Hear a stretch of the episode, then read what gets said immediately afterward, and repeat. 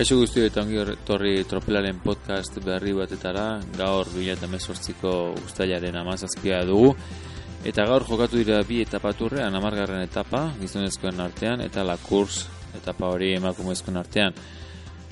Gaurko podcast hau berrunda irugita beratzi izango dugu, eta aurrekoan, ba, bueno, seguru falta mota izan duzutela igandeko etaparen podcasta, baina, badakizuen moduan, ba, gaur jokatu dela kurseren podcastura grabatu genuen, Mireia eta Inaxerekin,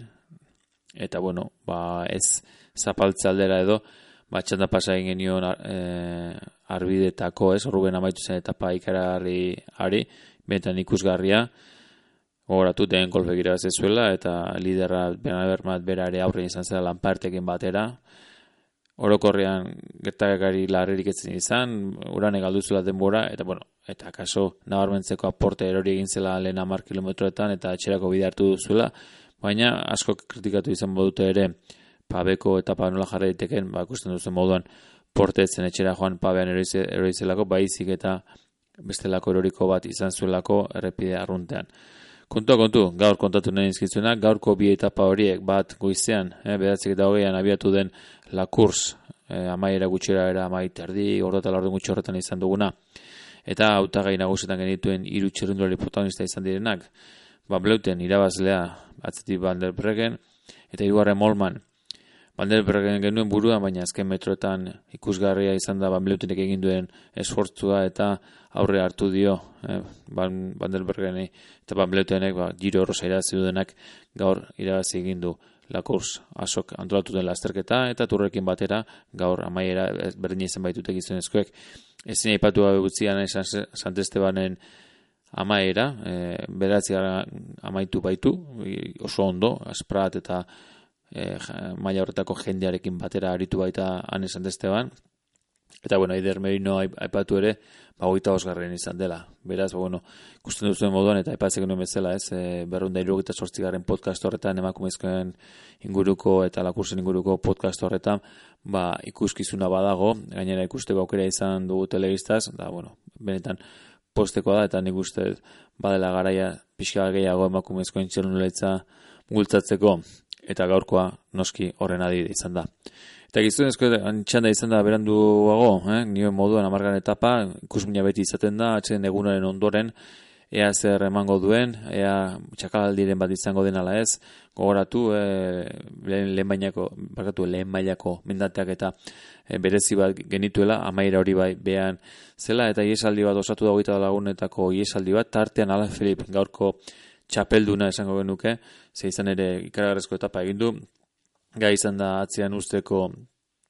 Tarama, eh, berekin aurrera egin duen txerrenduaria, Joni Zegre berare saiatu da, haure esaldian, akaso estrategiaren bat pentsatu da zuen bareine, baina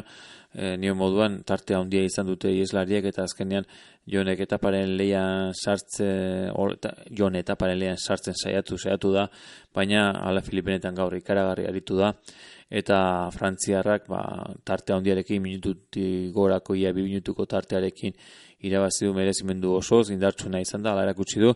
eta ez hori bakarrekan, izan ere bihar mendiko maiotare jantziko du. Baina, niona, oita bat, e, oita bat kidez osatuako tropeltxo horretan, kide gehiago izan dira, protagonista gehiago izan dira, eta izena handiak izan dira, eh, batez ere, e, beste lasalkapen batzutako lider izan ditugulako, horitako bat, Peter Sagan, Peter Saganek gaur, sprinte bereziko puntua nahi zituen, badez ere, ez da lehen aldia Peter horrela jogatzen duela, eta aurten ere ba, bide berare ekin dio badez ere eselen sartu, eta badez ere puntuak poltsikoratu, eta ale, ale egin du, eta besteak ziurtatu nahi zuen etaparen amaieran e, bere maiota, maiota hori hori, desiratu hori, soinean eramatea banaber bat izan da, banaber batek askatasuna izan du, tropela gutzi dio aurrera egiten, nio moduen hogeita bateko tropeltxo horretan sartu da, lasketa buruan izan da, hori izantzita, eta eta hori eskerrak errenta handia izan duen, eta bueno, etaparen lehen sartzeko aukera ba, gutxiago izan du, nion bezala jomi bigarren izan baita, eta talama erugarren, bada aurrengo e, bikideko talde horretan bera sartu da, eta horri esker, ta, tartea, ez atzeti zuen Jirain Tomasi tartea atera dio, eta beho, minutu eta hogei segundu inguruko tartea du orain, baina bermaetek, bai, badakigu ordea, bueno, urrengo etapetan, ondo bidean ba ez dela gai izango berriro ere lidergo horri eustea, baina bueno, ikusten duzu ez, ba, BMC izan duen galera garrantzitsu horri, ba, banaber bat bikainari ari da bere buru erakusten, igainen ikuske nuen, arbidetako etapan bigarren egin zularik, gaur ere protagonista eta benetan txalotzekoa belgiarra egiten ari den itzuli edo lasterketa honetaz. Gainontzean, favorito inguruan, bazen horrelako ikusminen bat, eskaik hartu du, eskaik hartu du ardura, talde, talde tropel nagusiaren ardura, eh, maiotoriaren jabi izango balira bezala, Movistarek ez du ezer erakusi, audiot iru, iru liderrituelako. Baina, bueno, bintzat, eskaik erakutsi du berriz ere indatzuen e, jartzeko gai direla, e, turra irabazteko taldea dutela, eta hor ikusi da ez, zenbaitek zeltasuen izan dituztela, eta artean ba, uran, ez, eta gero beranduago, ba, maika zakarin eta eta molema, ba, nolabait, ba, atzeratuago gelditu diralik. Ez da gehiago izan, e, polita, ni uste etapa, eta eskerrak ala Filipe eta aurre izan dire bana bermaak, eta bana bermaak, Jon eta hauek pixka bat e, astindu dutelako tropel hori, baina gainontza, bueno, ba, ikusten da ez, e, atariko zerbait dela, bihar eta ere alpetan izango dira, eta badirudi Lester, e, berandu baino lehen, ba, izango dela movimenduren bat, eta eta eskai horretako gogoz dela.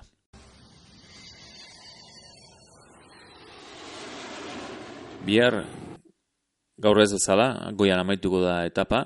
eta motza, eh, nahiko nabarmentzekoa da, ez, eh? eunda sortzi kilometrotako etapa izango baita, eta bi goera berez izango ditu, ogeita segarren kilometroan lehena eta horrengo aprogeita mazazpigarren kilometroan, bigarra mailako bat, gero kornetele Roselent, igor beharko dute, jeitxira luze bat, emezortzi kilometro ingurutako jeitxira bat, eta gero berriro ere igorari ekin beharko dute, la Rosiren amaitzeko, eh, mailako bindatea, nio moduan etapa motza izango da,